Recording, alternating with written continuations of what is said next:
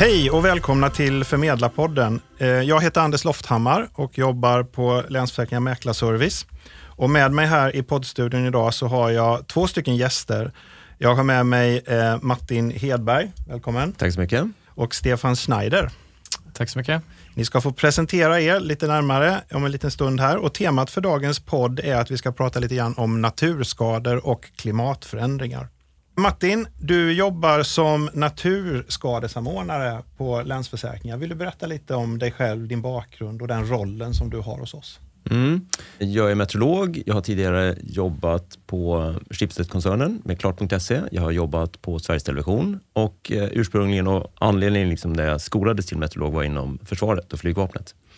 Eh, men de senaste 20 åren så har jag framförallt jobbat med klimatfrågor, anpassningsfrågor och också en del finansiella frågor.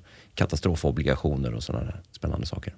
Och då blev det en naturlig koppling in i Länsförsäkringar i den här rollen? Ja, men man konstaterar ju det att alltså försäkringsbranschen är en av de branscherna som ganska konkret drabbas förstås av extrema vädersituationer och kostnader så att säga, som har med både extremt väder att göra men också klimatförändringar och de scenarierna som vi ser framför oss.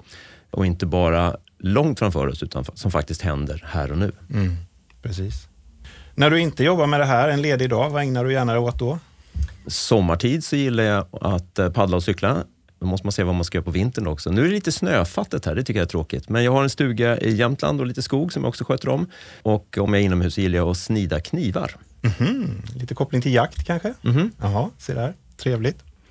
Och Stefan, varmt välkommen in i studion här också. Och du jobbar på vår avdelning för internationell återförsäkring. Eh, vill du berätta lite om ditt uppdrag och lite mer om dig själv också? Gärna det. Ehm, precis, min avdelning är internationell återförsäkring. Vi erbjuder då eh, återförsäkring för eh, utländska försäkringsbolag och i väldigt stor utsträckning just skydd för naturskador. Och innan, innan jag började på LF så, så var, har jag varit nästan 20 år i branschen i olika roller. Dels eh, som upphandlare av återförsäkring eh, men också eh, som just eh, mäklare faktiskt av, av återförsäkringsrisker då, tidigare. Spännande och naturlig koppling i det här samtalet in utifrån både det vi ser som händer runt omkring oss i världen och också när det då kommer till försäkringsbranschen och att kunna hantera de här skadorna, precis som du var på också Martin. Då. Vad ägnar du åt, åt en dag när du inte jobbar? Ja, men, eh, om jag också ska dela upp det i vintertid och sommartid så kan man väl säga att eh, lite mer aktivt då, så tycker jag om att spela tennis, gärna utomhus på sommaren. Och eh, när inte vädret tillåter så kan man spela schack, så man aktiverar de grå cellerna. Så det är också ett, ett stort intresse. Strategiskt tänk. Ja. Precis. Ja, det var inte paddel som kom där då, utan det var... Det kommer nog efter, efter tenniskarriären. Efter tenniskarriären, ja visst. Ja, precis. Varmt välkomna båda två till Förmedlarpodden här. Vi ska prata lite grann om klimatförändringarna som vi ser eh, och bara för några veckor sedan så kom det en rapport från Nationella expertrådet för klimatanpassning som pekar på att vi i Sverige måste öka takten när det gäller att skydda samhället. Och man pratar om att klimatförändringarna är redan här och att de kommer fortsätta få stora konsekvenser för oss. Man pratar om att nederbörden har ökat med 8 procent sedan 60-talet. Martin, när man ser det här och lyssnar på den rapporten och sätter det i samband med försäkringsbranschen. Hur ser du liksom att den här kopplingen eh, i detta när vi ser den här rapporten? Är det liksom självklart eller är det nyheter? Eller hur, hur ser du på det utifrån försäkringsbranschens perspektiv? Den där rapporten den handlar ju om anpassningsfrågor. Så vi kan dela upp klimatfrågan i minst, minst två områden. Det ena är anpassning då, mm. Eh, och det andra är att minska klimatpåverkan. Ja. Och de senaste 20 åren så har det varit väldigt mycket prat om, sen kan man diskutera hur mycket verkstad det har blivit, men att minska påverkan, det är väldigt tydligt. Men det är så tydligt också att det händer ju saker och det går inte att låta bli att anpassa sig när man ser vad det är som händer. Och när du säger 8 och nederbörd så låter ju inte det jättemycket, men det intressanta är egentligen extrempunkterna. Det som är bra, det är att det blir fokus just på just vatten. För att säger man klimat så är det väl temperatur och koldioxid som de flesta tänker på. Det, det är också relevant, men där vi ser de största skadorna och mest eh, personskador och omkomna, det är just vattenfrågor. Mm. Alltså stora stormar i all ära, värmeböljor i all ära och bränder är också ett jättestort problem, både här i Sverige och internationellt. Men i grunden så är det vad vi säger, det hydrologiska kretsloppet som förändras. Alltså det avdunstar mer vatten och sen så kommer det ner mer nederbörd. Eh, antingen i form av vatten, hagel eller som snö. Så det där kretsloppet, vattnets kretslopp blir intensivare och då ser vi just det i, i form av översvämningar. Och den andra delen som vi pratar om då som handlar om att begränsa och skydda då, som den här rapporten pekar på också då. Mm. Jag vet att bland annat i Arvika, man hade översvämningar år 2000 och man har gjort anpassningar i, i Glafsfjorden för att förhindra det här framåt. Mm. Ser vi att det sker i den takten som vi behöver göra? Eller vad är liksom... Själva minskad klimatpåverkan sker inte i den takten vi behöver göra. Nej. Vare sig mänsklighetsmässigt eller, eller vad vi i Sverige, vi måste liksom steppa upp det mycket mer. Vi måste minska utsläppen med storleksordningen 10-15 procent per år. Och där är vi inte än och då måste man också dra slutsatsen att okay, givet att vi inte klarar det där så kommer vi se mycket mer konsekvenser av klimatförändringar. Vi har liksom redan byggt in en massa klimatförändringar i systemet som kommer att manifesteras kommande decennier oavsett vad vi gör egentligen. Mm. Och Det betyder inte att vi ska liksom minska på ambitionstakten av att minska klimatpåverkan utan det är bara att vi måste förbereda oss på väldigt mycket mer. De här stora nederbördskatastroferna som vi hade i somras, då, du kan tänka på Gävle, eller nere i Europa i Tyskland, Belgien, eller för den, alltså I Gävle så pratar vi om 150 mm regn på 24 timmar och i Tyskland 250. Eh, och i Kina 650. Mm. Nu är det liksom speciella förhållanden på alla de här ställena, men vi ser att, att just det extrema blir ännu mer extremt. Och det flyttas också, inte bara att återkomsttiderna minskar så att de här extrema händelserna händer oftare, utan det extrema blir ännu mer extremt. Alltså. Mm. Så saker som tidigare betraktades som otänkbara måste vi ta in i, i portföljen över att det här skulle kunna hända. Mm. Och den här att, eh, för det var en, min kommande fråga, men den har du redan svarat på egentligen utifrån det här, gör vi tillräckligt för att bromsa upp det här? Men det är inte det vi ser, utan det vi har med oss, det kommer fortsätta påverka oss i en takt framåt. Som, Just det, och då måste vi anpassa oss till de förutsättningarna. Också när vi anpassar oss, då, alltså att minska eh, risken för skador, för, förstås för alla våra kunder, men eh, också att liksom bygga samhället på ett sådant sätt så att vi både minskar klimatpåverkan och minskar konsekvenserna av att klimatet förändras. Mm. Stefan, när man tar samma perspektiv ur ett återförsäkringsperspektiv, är det samma diskussion eller samma bild som du ser utifrån ett internationellt perspektiv när man diskuterar själva återförsäkringen av den här typen av skador? Eh, absolut, det tycker jag. Vi jobbar ju med det här med dagligen just naturkatastrofer faktiskt. Eh, det är en stor produkt på återförsäkringsmarknaden. Och eh, man kan väl säga att varje år så är det något nytt land eller någon ny region som drabbas av de här extrema eventen. Eh, Martin nämnde Kina och Tyskland, Belgien som var stora eh, händelser förra året. Men vi har också naturligtvis, ser på nyheterna, speciella event i USA, tornado, orkaner och liknande. Och om man bara tar de sista fem åren faktiskt så, så kan man ganska tydligt se en, en ökning och hur, hur extrema de är. Eh, mm. Och alltså, de faller helt enkelt högre ut och värre än tidigare år. Så att det man, man tittar oftast i försäkringsbranschen bakåt i tiden på gammal skadehistorik så för att eh, projicera framåt och det eh, kan ibland vara vanskligt eftersom de oftast då faller ut lite värre än vad man har tänkt sig. Mm. Och svårt att eh, sätta pris på också kan jag tänka mig. Precis, just det alltså att gamla modeller kanske inte stämmer på samma sätt och eh, man behöver bygga nya modeller för att eh, förstå regionala skillnader och förstå framförallt kanske just eh, kring eh, nederbörd, eh, vatten och så. Där finns inte modeller på samma sätt som det gör till exempel för eh, stormar, orkaner och jordbävningar. Där finns mer vedertagna och liksom modeller som fungerar bättre skulle jag säga. Men eh, just skyfall, översvämningar är svårbedömda. Det är väldigt beroende på var de inträffar som, som eh, avgör hur stor skada blir och så.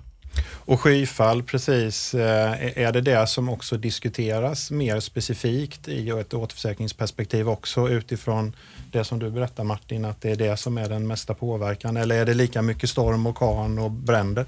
Det, jag skulle säga det pratas allting, alla, alla naturskaderisker är relevanta. Men i, om vi bara tar tio år tillbaka så var det väldigt eh, mycket drivet från stormar, orkaner och jordbävningar som de riktigt stora händelserna som kan inträffa som, som påverkar försäkringsbolag och kapitalsituationen i, i försäkringsbolag.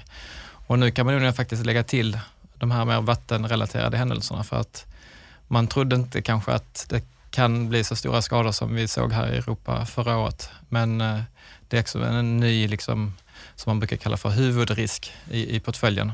Ja. Ehm, så, så det, ja, det är en väckarklocka verkligen, både i, i, Sverige och internationellt. Det är jätteintressant när det nu har hänt en sån här händelse som Gävle i fjol. Då. Eh, då kan man applicera den mängden nederbörd på andra orter i Sverige och se vad skulle det få för konsekvenser. Mm. Och det kan man ju lära sig rätt mycket av och förstå att de här riskerna de har vi att hantera. Uh. Ytterligare en sån här risk som finns, som är en liten bubblare, är, är hagel. Alltså det har ju haglat förut i Sverige, men, men då är det i storleksordningen ärtor som, som kommer ner och det kan vara nog så besvärligt. Men när det nu eh, inte är ovanligt med hagel nere i Europa, storleksordningen golfbollar som kommer farande, så är det ett perspektiv som vi kanske behöver tänka skulle kunna inträffa även här i Sverige. Mm. Den eh, är ju spännande med den här modellen. Vi pratade om det eh, där skadan händer nu i Gävle och så säger vi istället att det hade kommit till Stockholm eller Göteborg eller Malmö. Den typen av modeller tittar ni nu på utifrån återförsäkringsperspektiv eller för att Eh, mappa upp den här typen av händelser mot worst case scenario? Absolut, det är en, typ, en, en av möjliga analyser som man kan göra. En, en exponerings scenariobaserad analys där man då tar tittar på försäkringsportföljer i olika delar av landet eller olika regioner för att se vad, vad det skulle kunna innebära. Sen finns det även andra modeller som, som eh, lämpar sig kanske mer för större regioner också. Men bara för att ta upp temat hagel så var också det en vi, vi pratade mycket om översvämningen förra året i, i Tyskland, Belgien, men det var också det största, eller det värsta hagelskadehändelsen i Österrike någonsin. Så i, mm. i alpvärlden där är det, de är väldigt vana med att ha hagelskador, eh, men även där då i förra året det värsta någonsin och det kom lite grann i skymundan för, efter, på grund av de översvämningarna i ja. Europa. Men det är, det är extremer vi pratar om igen. Alltså vi hör det återkomma det är, här till extremer. Liksom. Precis. Ja. Det, det är golfbollar, tennisbollar, det är inte bara att en liten buckla på bilen utan det är också eh, stora skador på hus och egendom. Mm. Såg ett tak där med tegel på. Det såg ut som cornflakes liksom, efter att den här haglen hade dragit förbi. Mm. Mm. Det är enorma grejer. Och det är ju så svårt med de här extrema händelserna när sannolikheten för dem förändras. För att om man ska titta tillbaka, alltså allting vi vet, det handlar ju om historia. Och alla beslut vi fattar, det handlar om framtiden. Och när vi förstår liksom att riskerna förändras i en allt varmare värld där det hydrologiska kretsloppet blir intensivare. Men om vi ska liksom räkna på de riskerna som vi vet, då tittar vi 30 år tillbaka. Och man behöver 30 år typ för att göra statistik på extrema händelser. Det räcker ju inte med, med bara ett år. Då. Men den är ju lite eh, inaktuell kan vi säga. Då, då. Ja. Så då är det till och med svårt att titta på nuläget och än mindre vad som händer i framtiden. Utan då måste man förlita sig på projiceringar över vad skulle kunna inträffa. Och många av de här klimatmodellerna de räknar, de är jättebra på att räkna på medelvärden. Men vi är intresserade av extrempunkterna. Mm. Så, men vi förstår också att saker och ting kan hända. Och en sak som hände i nordvästra USA och västra Kanada i fjol var den här eh, heat bowl som var. Alltså den här enorma värmeböljan när det var 10-20 grader varmare än normalt. Och man noterade strax under 50 grader i Lytton, tror jag den orten heter där. Och den i princip brann ner. Då, då. Och det var en tusenårs-event. Men i liksom skenet av klimatförändringarna så kan man säga att ja, antingen så hade vi en rackars otur att det där tusenårseventet inträffade, men nu är det i storleksordningen ett hundraårsevent. Och i en två grader varmare värld så är det där någonting som man räknar med skulle inträffa vart femte till tionde år. Mm.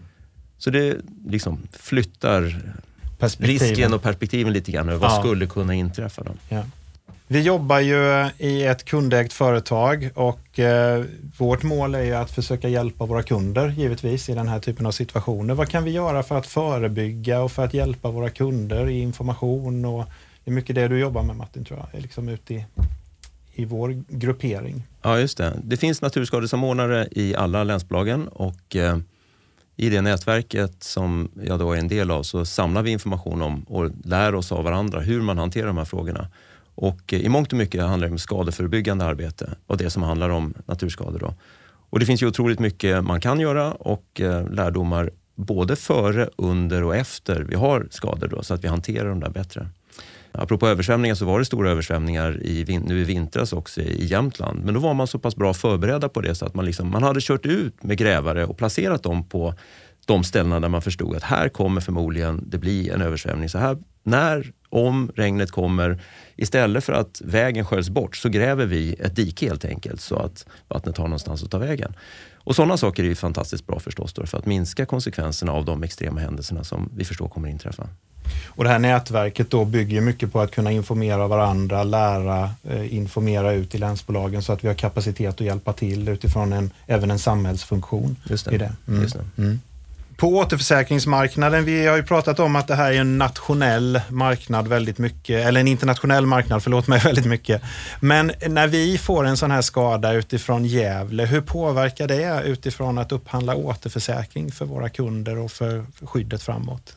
Ja, det påverkar absolut. Eh, det är en stor skada och det påverkar också eh, svenska bolags eh, återförsäkringsprogram.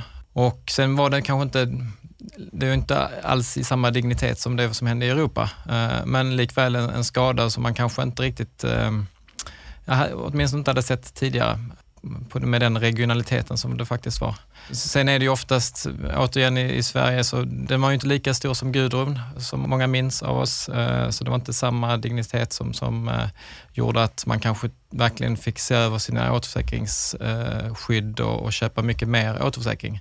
Men jag tror det är en, en fråga som, som behöver komma upp på agendan. Att, även fundera mer över till exempel översvämningsrisk och skyfallsrisk och, och se om man har rätt skydd Eh, både naturligtvis på, på direktsidan, företagskunder, men också på återförsäkringssidan. Och jag vet att när jag hade Gudrun så hade vi ju ytterligare en stormskada i närtid, bara ett par år efter den. Och, och, jag vet att då sa vi att Gudrun själv var väl en sak, men när de här kom med den frekvensen tillsammans, då blev det liksom lite mer fokus på att ja, men det här kan hända. Eh, och, och, med det vi pratar om då med en ökad frekvens så sannolikt kommer det påverka återförsäkringskostnaderna framåt. Om vi skulle se en till sån här, en sån här översvämningsskada nästa sommar. Så. Precis, alltså vi, i återförsäkringsbranschen så har det blivit en mer regional bedömning av riskerna så att man eh, förr i tiden så kanske hela marknaden flyttade sig men nu är det mer att eh, man tittar på region för region eller land för, för land. Så en skada kommer inte liksom ändra, det kommer inte liksom, det blev lite dyrare säkert i många upphandlingar eh, men det är inte det som är den stora förändringen. Utan, men däremot så pratas ju väldigt mycket i, i branschen om att kostnaderna kommer att bli stigande över tid. Så antingen så gör man någonting åt det, att man förebygger och då kommer man också kunna begränsa kostnaderna. Eller så får man nog räkna med att, att kostnaderna går upp när det gäller naturkatastrofer. För att de, de produkterna inom återförsäkring har varit väldigt utmanande de sista fem åren globalt sett. Eh, så utanför Sveriges gränser kan man säga. Ser du framför dig att vi kommer se begränsningar i vad återförsäkringsmarknaden vill ställa ut för skydd för den här typen av skador framåt, även eh, om man tittar på den, ett nordiskt perspektiv eller Sverige? Här och nu tror jag inte det, utan det, det finns mycket kapacitet fortsatt, men det finns en del eh, återförsäkringsbolag som har ändrat sin strategi lite grann faktiskt och, och erbjuder mindre naturkatastrofsexponering eller, eller kapacitet än, än tidigare. Så alla, det här påverkar, klimatfrågan påverkar även affärsstrategier runt om i återförsäkringsbranschen och det är en väldigt stor fråga på vår marknad just nu. Framförallt som jag sa tidigare, de här lite kanske naturkatastroferna som har fallit i skymundan då, om man får säga så, med, med skyfall och översvämningar. Det är ett stort eh, samtalsämne i branschen idag då, vad det ska kosta framöver mm. och eh, hur man ska skydda sig på bäst sätt. Mm. Sticker Sverige ut på något sätt eh, utifrån det med, med eh, hur vi agerar i de här skadorna? Du nämner liksom vårt skadeförebyggande arbete som vi gör eller i den här, eh, är vi bättre på att ta hand om den här typen av skador än någon annan eller är vi bättre förberedda? Jag tror inte någon nation är tillräckligt bra förberedd. Nej. Nej utan vi, Ja, behöver det... göra, göra bättre. Vi blir än... förvånade när de kommer ja, varje gång. De ja. och det gäller ju också att alltså, de sakerna som har inträffat, de kan ju uppenbarligen inträffa. Så de tar vi höjd för, vi var inne på det förut också. Men också vara vaken för nya saker som skulle kunna inträffa. Mm. Mm. Och det här med kapaciteten som, som du nämnde då, där har ju även eh, Nationella expertrådet för klimatanpassning, de flaggar för att försäkrings och finansbranschen har eh, i framtiden, sen är, spesar man inte hur långt framåt i tiden det ligger, men man ser att det här är ett stort samhällsproblem eh, om försäkringsbranschen inte kan försäkra.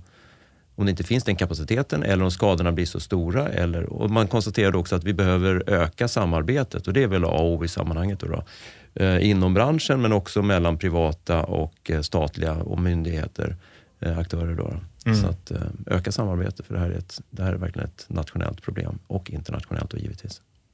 Och, och, och det finns ju, om man åtminstone utomlands, till exempel i, i, Tyskland, eh, ett bra exempel, så finns det ju regioner nära floder och liknande där man, där man har väldigt svårt att köpa försäkring helt enkelt. Det kostar alldeles för mycket. Så det är en individuell prissättning av eh, översvämningsskydd och eh, ja, det, där kan det vara absolut svårt för att få en villaförsäkring till exempel.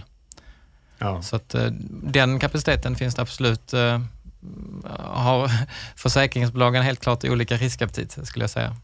Det är ju väldigt olika också med privata försäkringstagare och kommersiella försäkringstagare i, i de åtaganden som försäkringsbranschen har. Mm. Givetvis. Då. Mm. Man kan ju också säga att de här riskerna som vi har, är dels är det fysiska risker och de delar man in i akut. Dels är det fysiska och sen är det omställningsrisker. Mm. Och de fysiska de delar man in i akuta och kroniska. Akuta är just sådana saker som hagel, och översvämningar och bränder och så. Medan de kroniska grupperas som havsnivåhöjning eller vegetationsförändringar eller långvariga värmeböljor och sådana saker som är, ja, som är kroniska. Det går liksom inte när havsnivån väl har börjat stiga. Just nu stiger den med 4 mm per år och det är inte jättemycket. Och kommande år så är inte det heller jättemycket. Men på lite längre sikt, några decennier framåt, så är det någonting som... Det, det, det går liksom inte inom en generation eller två att göra så mycket åt den. Medan de här eh, akuta, de händer ju här och nu och där försöker man då göra scenarier och, och se var finns de geografiska områdena där vi ser större och mindre risker inom de här olika områdena. Mm. Och sen så har vi då omställningsriskerna eh, som handlar om, om eh, när vi ska ställa om samhället till mindre klimatpåverkan. Där vi och våra kunder också eh, ser liksom att, att det finns risker som är kopplade till klimatförändringar och, och omställningen. Mm. Och mer i ett längre perspektiv. Där. Just det. Ja. Men det finns ju liksom ingen som helst anledning att blunda för de här sakerna. Vi pratar om risker, så man måste, liksom, man måste se det. Ja, förstå att det här kan ja. inträffa och vara mm. förberedd på det. Och då göra olika scenarier. Och det som kanske också påverkar oss eh, är ju alltså en, en, skada som den i Gävle eller en skada som den här i Tyskland. Den kommer nära oss och så ser vi den och så får vi liksom uppmärksamhet i Sverige på den. Mm.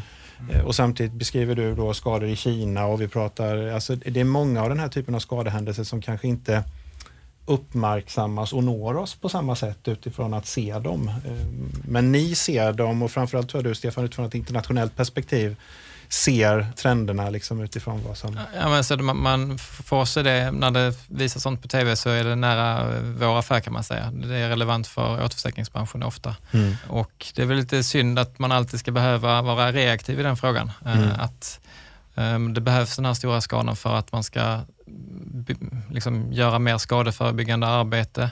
Och det, det är någonting som, ett arbete som behöver ske över lång tid. Ju. Mm. Det är inte bara någonting som man kan, det är ingen quick fix. Nej. Eh, och eh, det finns, men det finns positiva exempel, det finns bra exempel i, eh, från utlandet där man återigen har fått en skada och inser att man måste göra någonting. Det var väldigt stor skyfallshändelse för ungefär tio år sedan i, Köpenhamn. Där väldigt många källare och liknande blev översvämmade och en väldigt stor återförsäkringsskada. Och där har man då tagit initiativ för att leda om vattnet vid en kommande händelse och, och bygger om staden delvis. Då. Och det, det, det, har man kommit en bra bit med och det kommer fortsätta de närmsta 5-10 åren. Så man kan ju göra saker och ting för att eh, mindra eller förminska påverkan. Eh, det finns andra exempel också i Schweiz och så, men helst skulle man ju vilja att, att man sätter igång lite mer proaktivt. Ja, och jobbar hela tiden med det och inte reaktivt när skadan har hänt. Man kan säga att många av de här sakerna skapar ju också en, en mycket trevligare miljö. Alltså, till exempel att man ska skapa områden där vatten kan samlas utan att det blir en översvämning direkt. Det vill säga man introducerar grönområden i städer, vilket ju ger en mycket trevligare stadsbild. Mm. Så att det, i många fall så är det ju liksom inte en belastning. Alltså det är jobbigt att ställa om kanske eh, initialt, men det blir mycket trevligare också. Ja. Precis. Ja, men det är väl också att det eh, sannolikt kräver en del investeringar och jobb för att göra de här förflyttningarna eh, det. Mm. utifrån det, att hitta rätt i det då. Det låter som att vi är på, på rätt väg utifrån att se de här grejerna, att vi uppmärksammar dem och tar det framåt. Men vi kan göra mycket, mycket mer än vad vi har gjort och vi måste göra mycket mm. mer än vad vi har gjort. Alltså, vi har i mångt och mycket också, när, tänker, när man tänker på framtiden så försöker vi optimera våra system eller affärsmodeller eller vad du vill. Vi, op, vi gillar att optimera saker och ting för vi vill ha så stor utdelning eller effekt eller vad det nu är för någonting. Men här tror jag att vi måste tänka lite annorlunda, att titta mer på robusta beslutssystem där vi ser att det finns en hel palett med saker som skulle kunna inträffa och att vi då ska fatta beslut, inte utefter det som eh, optimerar, det som vi tror optimerar för att riskbilden har förändrats. Vi måste fatta beslut som fungerar oavsett vad som inträffar i framtiden. Mm, men det låter inte helt enkelt att beskriva den. Nej, nej men det, det kräver att man tänker lite mm. annorlunda helt enkelt. Men mm. att, men att liksom fatta beslut inte för att optimera utan man kan säga så här, optimering sker på bekostnad av flexibilitet. Mm. Och vi behöver flexibilitet. Då får vi släppa lite grann på optimeringen. Mm. Och, och, det är helt enkelt, ja, ur ett riskperspektiv, helt relevant att göra på det sättet. De beslut vi fattar ska fungera oavsett vad som inträffar i framtiden. Mm.